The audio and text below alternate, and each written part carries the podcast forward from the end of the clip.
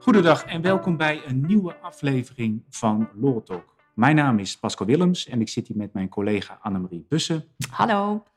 En vandaag gaan wij het hebben over een uh, onderwerp wat uh, nou, in de praktijk nog wel eens uh, voorkomt.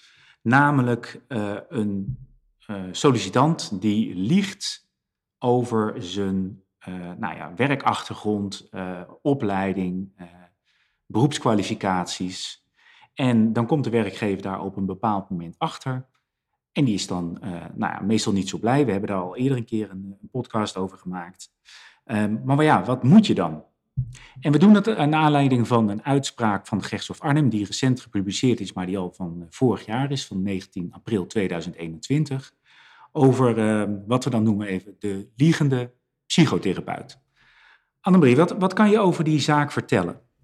Nou, allereerst dat het dus inderdaad een, uh, een zaak is waar volop over is geprocedeerd. Want zelfs de Hoge Raad heeft zich over een, formeel punt eigenlijk wel uitgelaten. En eigenlijk de uitspraak die wij nu bespreken is, is het sluitstuk waarin um, er een antwoord moet gegeven eigenlijk op, uh, op twee vragen. Eén, de vraag: is er sprake van bedrog door deze sollicitant, door deze werknemer, die dus um, uh, onder andere had gezegd dat hij um, wel een BIG-registratie had gehad, maar dat er even administratief iets mis was gegaan. Die had aangegeven dat hij lid was van een aantal uh, verenigingen.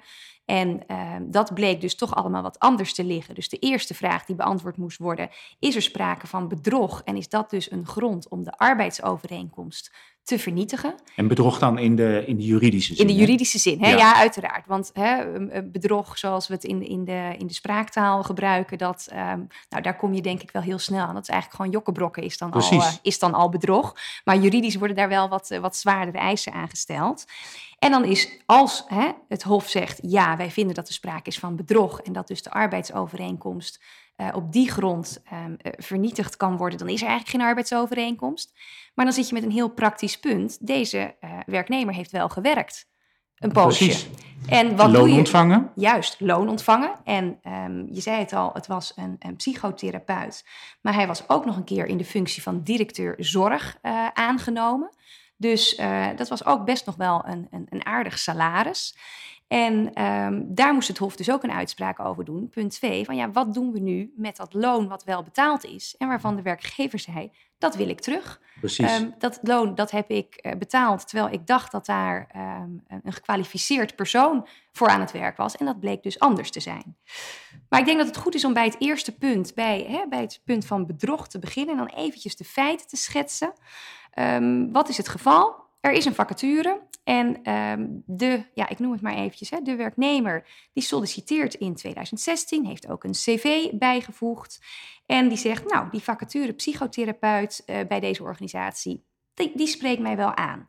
Dan uh, komt er vervolgens vanuit de organisatie het verzoek om toch ook te solliciteren op de functie van directeur zorg. Dus kennelijk was men gecharmeerd van het cv van deze, van deze persoon.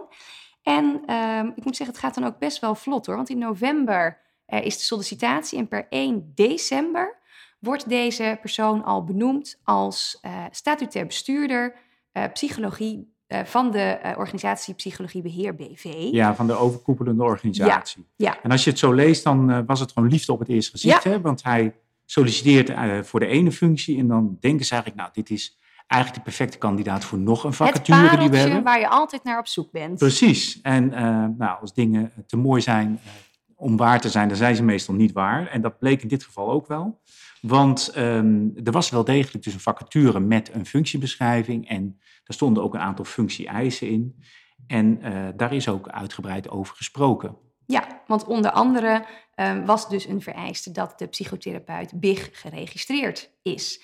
En wat ik uit de uitspraak begrijp, is dat daar dus over gesproken is. Dat hij heeft aangegeven, ja, het klopt dat het nu, hè, dat ik nu misschien niet helemaal, hè, als, je, als je het checkt, dat je me nu niet ziet staan. Maar er is administratief wat misgegaan en er zit ook wat, wat vertraging in om dat weer recht te trekken. En nou um, is het in de praktijk zo dat het wel eens, hè, dat er wel eens iets mis kan gaan met een verlenging of als je je punten niet op tijd hebt ingediend. Dus eigenlijk vond de organisatie dat wel een plausibel, plausibel verhaal. Dus daar zijn ze toen in meegegaan. Alleen ehm, eigenlijk, ehm, nou, volgens mij na, na een half jaar, Ja, ontstaat er dan ja, ontstaat er het vermoeden van hé, hey, maar dat cv, die werkervaring, klopt dat wel? Omdat er een, volgens mij ook een andere medewerker is die zegt van hé, hey, maar ik heb ook bij die organisatie gewerkt en daar kende ik deze meneer helemaal niet. Ehm, dus toen ging het mis op het stukje van werkervaring, klopt dat wel? Die BIG-registratie bleek er nog steeds niet te zijn. En En toen, is hij, toen is hij ontslagen in de aandeelhoudersvergadering. Ja, dus want hij was als- statutair bestuurder. Ja. Dus hij kon toen eh, ontslagen worden in, eh, in juni. En eh, vervolgens heeft de advocaat van de werkgever heeft een beroep gedaan op bedrog en heeft de arbeidsovereenkomst buitengerechtelijk vernietigd. En heeft ook in die brief het salaris teruggevorderd. En dat is eigenlijk de kern van deze procedure. Ehm, is de arbeidsovereenkomst ehm, eigenlijk gewoon met terugwerkende kracht, in die zin dat arbeidsovereenkomst nooit heeft bestaan, vernietigd. Hè, want dat is het gevolg van vernietiging. Je zegt dan, nou, je hebt bedrog gepleegd, hè, je hebt informatie achtergehouden of informatie niet verteld die eh, wel relevant was voor ons als organisatie om de arbeidsovereenkomst aan te gaan. Dus je moest ook wel kunnen weten, weten of kunnen weten dat die informatie van belang is. Die heb je niet verstrekt of je hebt onjuiste informatie verstrekt. En hadden we dat geweten, dan hadden we deze arbeidsovereenkomst nooit met jou aangegaan. En als de rechter zegt, ja, dat klopt, eigenlijk kom je dan, dit is het algemene civielrecht, hè, dat geldt voor elke eh, overeenkomst, ook arbeidsovereenkomsten, dan is het gevolg dat de arbeidsovereenkomst nooit heeft bestaan. En dan kom je natuurlijk in de gekke situatie waar we het zo over gaan hebben, dat ja, ehm, in één keer blijkt, wordt iets uitgegund, eh, maar je hebt wel gewerkt. Het staat wel vast dat hij een tijdje heeft gewerkt. En hij heeft ook eh, dat behoorlijke salaris eh, ontvangen. Ja, en, en, en ik zit nog eventjes ook bij de feiten, want dat is dan toch wel leuk. We hebben natuurlijk zo'n hele uitspraak die wij doorlezen, maar het is ook echt wel een boefje. Want ehm, de, inspectie gezondheidszorg en jeugd heeft zich hier ook nog eh, gemeld. In die zin, er is een aanwijzing gegeven die erop neerkwam dat deze werknemer per maart 2018, dus toen was hij al, hè, toen was al bij de organisatie gezegd een jaar eerder van luister, ehm, het deugt allemaal niet. Maar dat hij dus ook echt geen functies meer mag vervullen waarbij hij individuele zorg aan patiënten biedt en waarvoor een BIG-registratie als GZ-psycholoog, als psychotherapeut of als kli- klinisch psycholoog is vereist. En er wordt ook nog vermeld dat gebleken is dat hij überhaupt nooit in het BIG-register ingeschreven is geweest en dat hij in tenminste vier sollicitatieprocedures aan zorgaanbieders onjuiste informatie heeft verschaft. Ja, Dus eigenlijk hè, is deze werkgever is er met open ogen ingelopen. ja en wat, wat niet helemaal duidelijk is, want die brief is uit 2018, dus dat is nadat deze werkgever met deze man in dien of in zee was gegaan. Of die daarna of daarvoor dat had gedaan. Maar laat ik zeggen, het is een veelpleger. Hè? Hij heeft in Ja. ieder geval eh, dit trucje meerdere keren uitgehaald. En ehm, is er kennelijk eh, een paar keer mee weggekomen. Vraagteken, dat blijkt dan niet. Maar er is wel in ieder geval duidelijk dat deze meneer neemt het niet zo nauw met, eh, met de regeltjes. Ehm, en dan gaat het dus in deze zaak over, nou ja, wat ik zei, dat terugbetalen van het loon in de vraag. eh, ja, was er sprake van, eh, van bedrog? Ze zijn dan even, lang, even moet ik zeggen, even langs de Hoge Raad geweest. ehm, eh, om, om over dat punt van bedrog wat te uiten. Maar bij deze uitspraak gaat het Hof eigenlijk de zaak afwikkelen. En de eerste vraag die dus behandeld wordt van, ja, ehm, is er sprake van bedrog en dus ja, van de buitengerechtelijke vernietiging? En eigenlijk doet het Hof dat in eh, nou ja, twee alinea's af. Die zegt van ja, het was voldoende duidelijk wat de functie-eisen waren. Ehm, er is, ja, het is niet helemaal duidelijk wat er nou precies over die BIG-registratie is gezegd, maar je wist zeker wel dat eh, je BIG geregistreerd moest zijn, althans dat dat een functie-eis was. En of je nou hebt gezegd, ik ben het niet meer, maar ik kan het wel snel worden. Of ik ben het wel. Ehm, in, in beide gevallen solliciteer je op een functie waar je ook de kwaliteit niet voldoet. En je hebt het nooit gehad. Juist, dus ja. ook daarin zit het gewoon dat je gewoon. Sowieso heeft hij juist niet de waarheid gesproken over die BIG-registratie. Ja, en dat hij ook nog eh, zeg maar een basisopleiding tot supervisor bij de vereniging EMDR heeft gevolgd. Dat hij lid is van de vereniging Gedrags- en Cognitieve Therapieën. En dat hij als manager zorg, klinisch eh, psycholoog en psychotherapeut heeft gewerkt bij GGZ Delftland Leiden. Dus daar heeft hij ook allemaal over. Dus deze man deed voorkomen alsof hij een enorm track record had in de branche. Wat natuurlijk voor directeur zorg, maar ook voor psychotherapeut wel van belang is. Ja. Juist ook omdat hij eh, als directeur zorg ook de regiebehandelaar was. Dus de hoofdbehandelaar, ehm, eh, wat vroeger hoofdbehandelaar heette, nu regiebehandelaar, eh, voor heel veel zorgtrajecten. En waar dus ook de financiering vanuit heel veel overheidsorganen om opgehangen wordt. Dus zo'n positie is heel erg van belang. En de kwalificaties die daarvoor vereist worden, die worden niet vereist van god, dat vinden we nice to have, maar het is need to have. En dat allemaal bij elkaar is voor het Hof voldoende om te zeggen: ja, ehm, je hebt bedrog gepleegd. Uh, en, en dus vinden wij dat ja, dat beroep op vernietiging opgaat. Um, en dan is de vraag: ja, wat gebeurt er dan met de arbeid die dan verricht is en het loon dat betaald is? Want de werkgever vordert het, uh, het loon terug, 16.000 euro netto, geloof ik. Ja, ja. Ja, en dan zie je dus inderdaad, hè, dan zie je ook die tweede vraag van, joh, wat doen we nou dus met die, met die gevolgen die al ingetreden zijn? En um, daar heeft dus ook uh, de Hoge Raad heeft daar ook zich over, over uitgelaten. En die zegt van luister, hè, dit is natuurlijk een arbeidsovereenkomst waar we het over hebben. Maar we moeten in het, hè, het gewone, in het, in het boek 3 en in boek 6 van het burgerlijk wetboek, daar moeten wij het antwoord gaan vinden. Het algemene civiele recht. Het algemene civiele recht. Wij, wij arbeidsrechtjuristen zijn nog wel eens geneigd om meteen hè, naar, naar boek 7 over te stappen.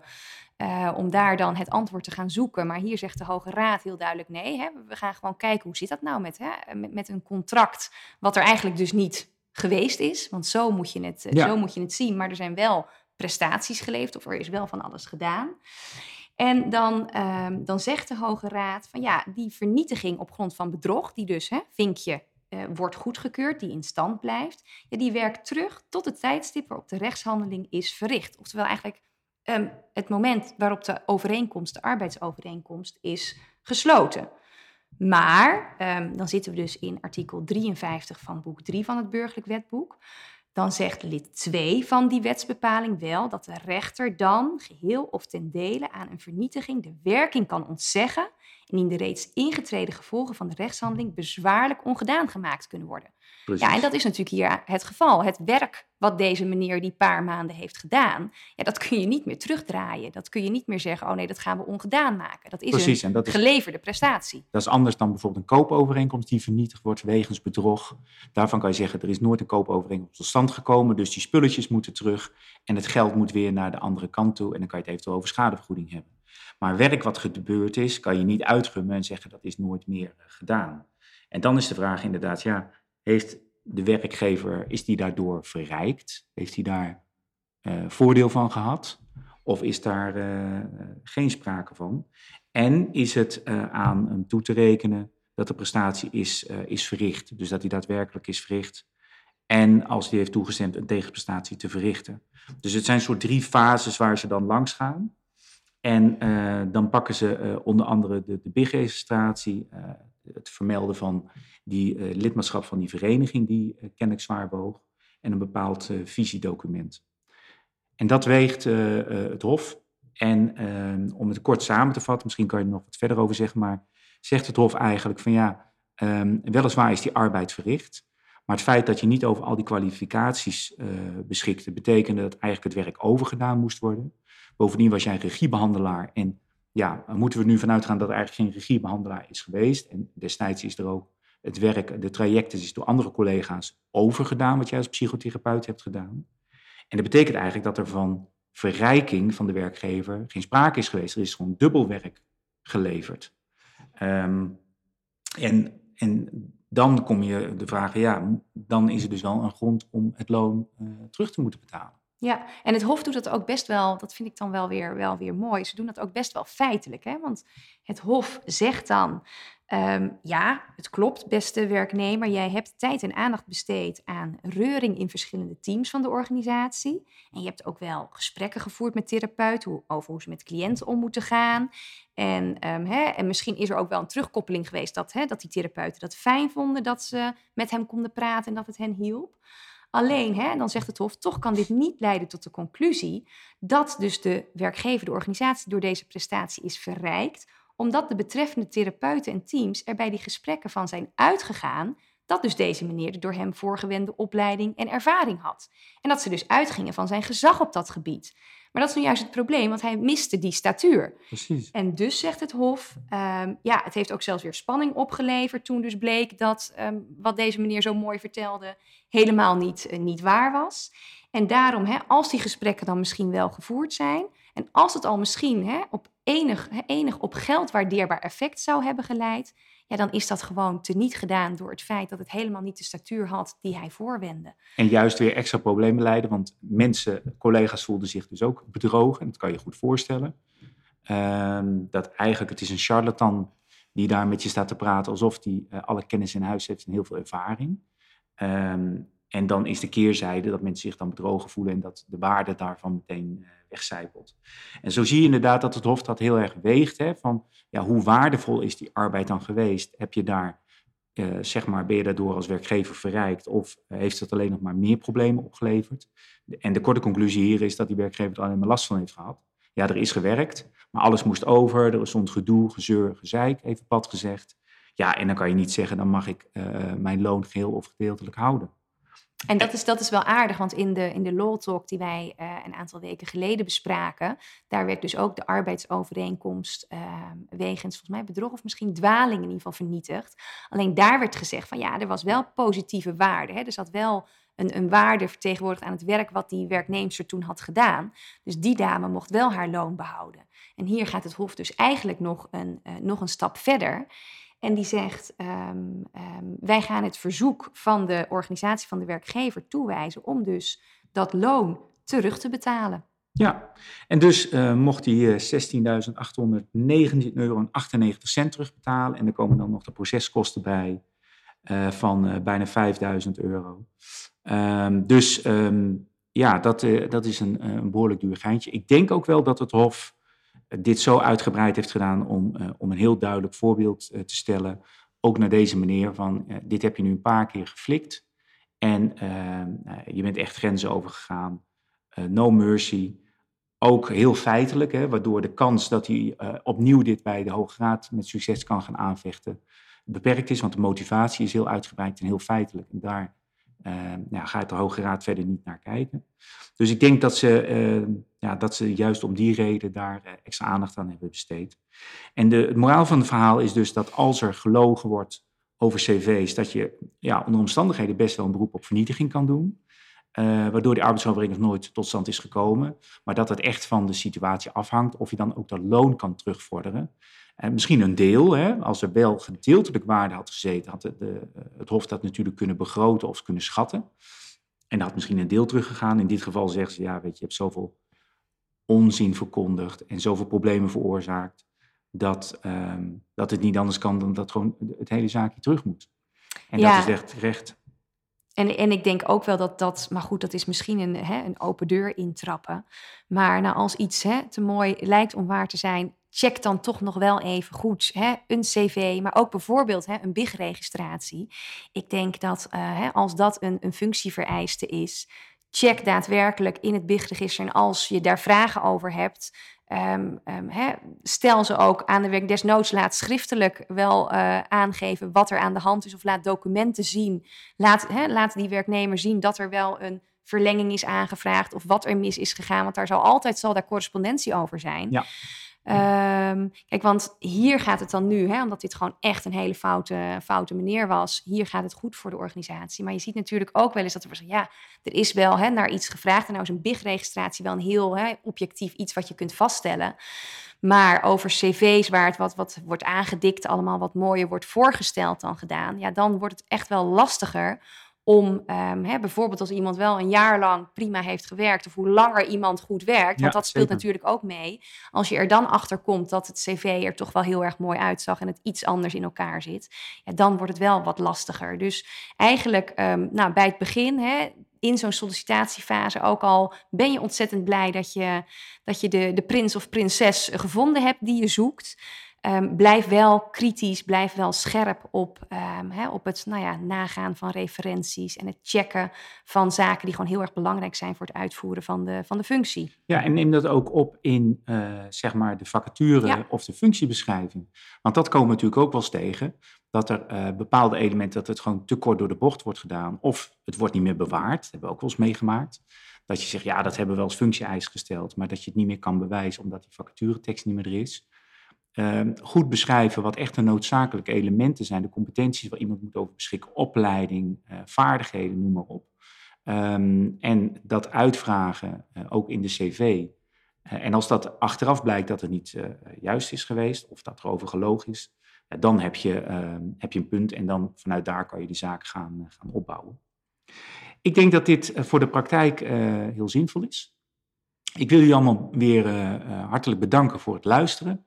En graag tot een volgende keer. Tot een volgende keer.